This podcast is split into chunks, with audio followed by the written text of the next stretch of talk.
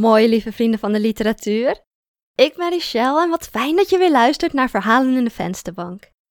En het verhaal van deze week begon eigenlijk als een soort van protest. We hadden namelijk een leraar op de schrijversvakschool had gezegd: Personages in verhalen kunnen nooit gelukkig zijn en ze kunnen nooit gelukkig zijn aan het begin, want dan is er geen verhaal te vertellen. En ik ben het daar niet mee eens, want voor mij is geluk niet een soort van heilige, stabiele eindtoestand. Het is gewoon een, een gevoel wat komt en wat gaat. Net als verdriet of boosheid of. En je voelt je even gelukkig en daarna stop je weer met je gelukkig voelen en dan voel je weer iets anders. Dus ja, ik wilde een verhaal schrijven over een gelukkige man. En zo heet het verhaal dan ook. Ik wens jullie heel veel plezier met het verhaal De gelukkige man in de dierentuin.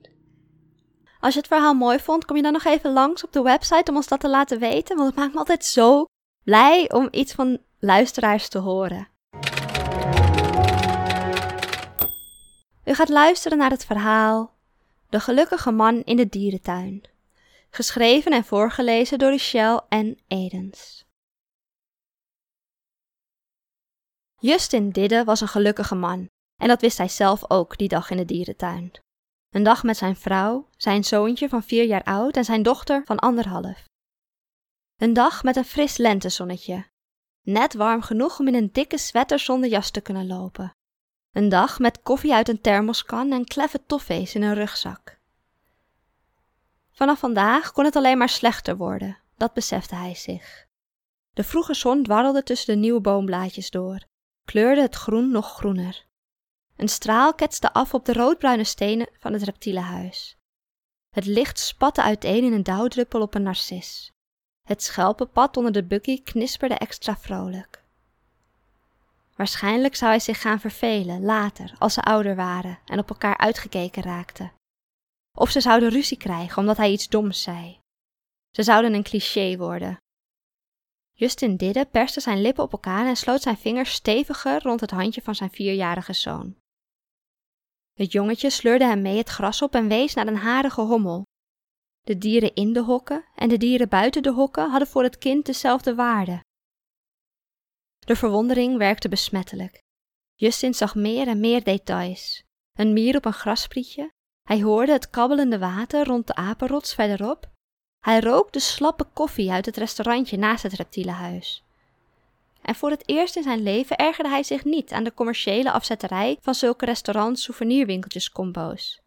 Ja, de koffie was daar drie keer zo duur dan elders, maar gaf de geur die over het pad waaide de dag niet een hartelijk tintje? Je betaalde niet voor de koffie of voor een plusje dier of voor de sleutelhanger van een aap. Je betaalde voor iets onbetaalbaars: de zon, een lach, een kinderhand, een dauwdruppel. Een moment. Een moment dat voorbij zou gaan, een moment dat je kwijt kon raken als je niet oppaste. Justin wist niet waarvoor hij moest oppassen, maar wel dat niets voor altijd zo mooi kon blijven. Ze gingen het reptielenhuis binnen.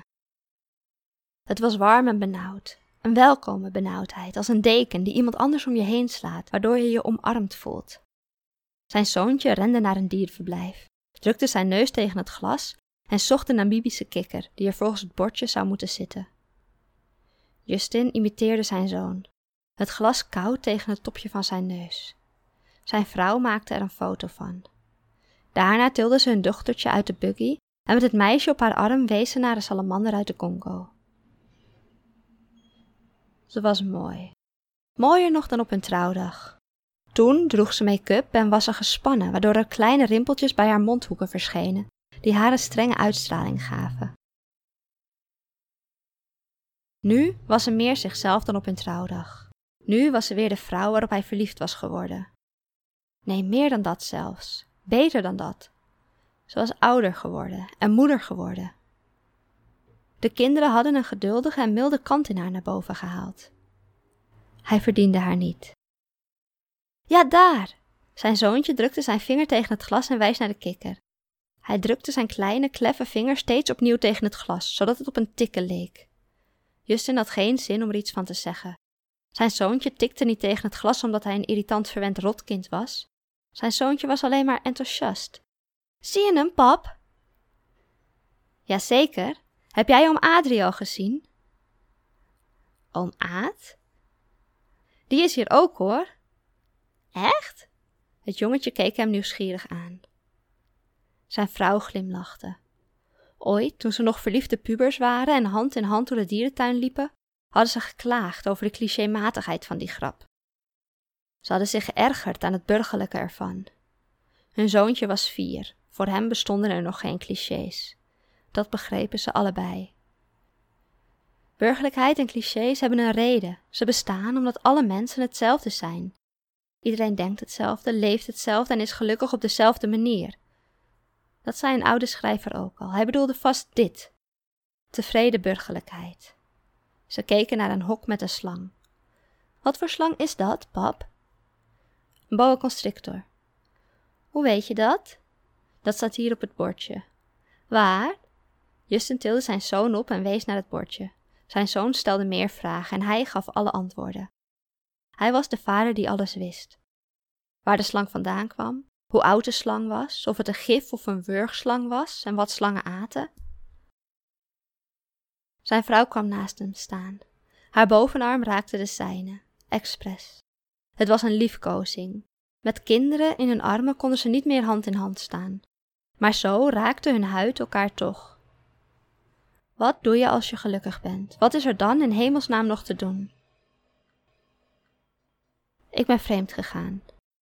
Hij zei het midden in het reptiele huis. Ze stonden met z'n vieren naar een boa constrictor te kijken. De woorden rolden over zijn lippen. Hij was niet vreemd gegaan en hij wist niet zeker waarom hij zojuist had beweerd van wel. Zijn vrouw keek hem aan, verbaasd, maar niet boos, misschien wat ongelovig. Wat is vreemd gaan? vroeg een zoontje. Jij bent niet vreemd gegaan, zei zijn vrouw. Misschien was het die blik in haar ogen, het onwankelbare vertrouwen dat ze in hem leek te hebben. Het vertrouwen dat hij niet verdiende. Wie weet waar hij toe in staat zou zijn, later, als ze oud waren, als hij zich ging vervelen.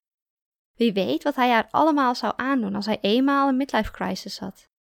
Haar ongeloof was de reden dat hij bleef aandringen. Wanneer dan? vroeg ze uiteindelijk. En met wie? Met wie? herhaalde hij. En wanneer? Ja.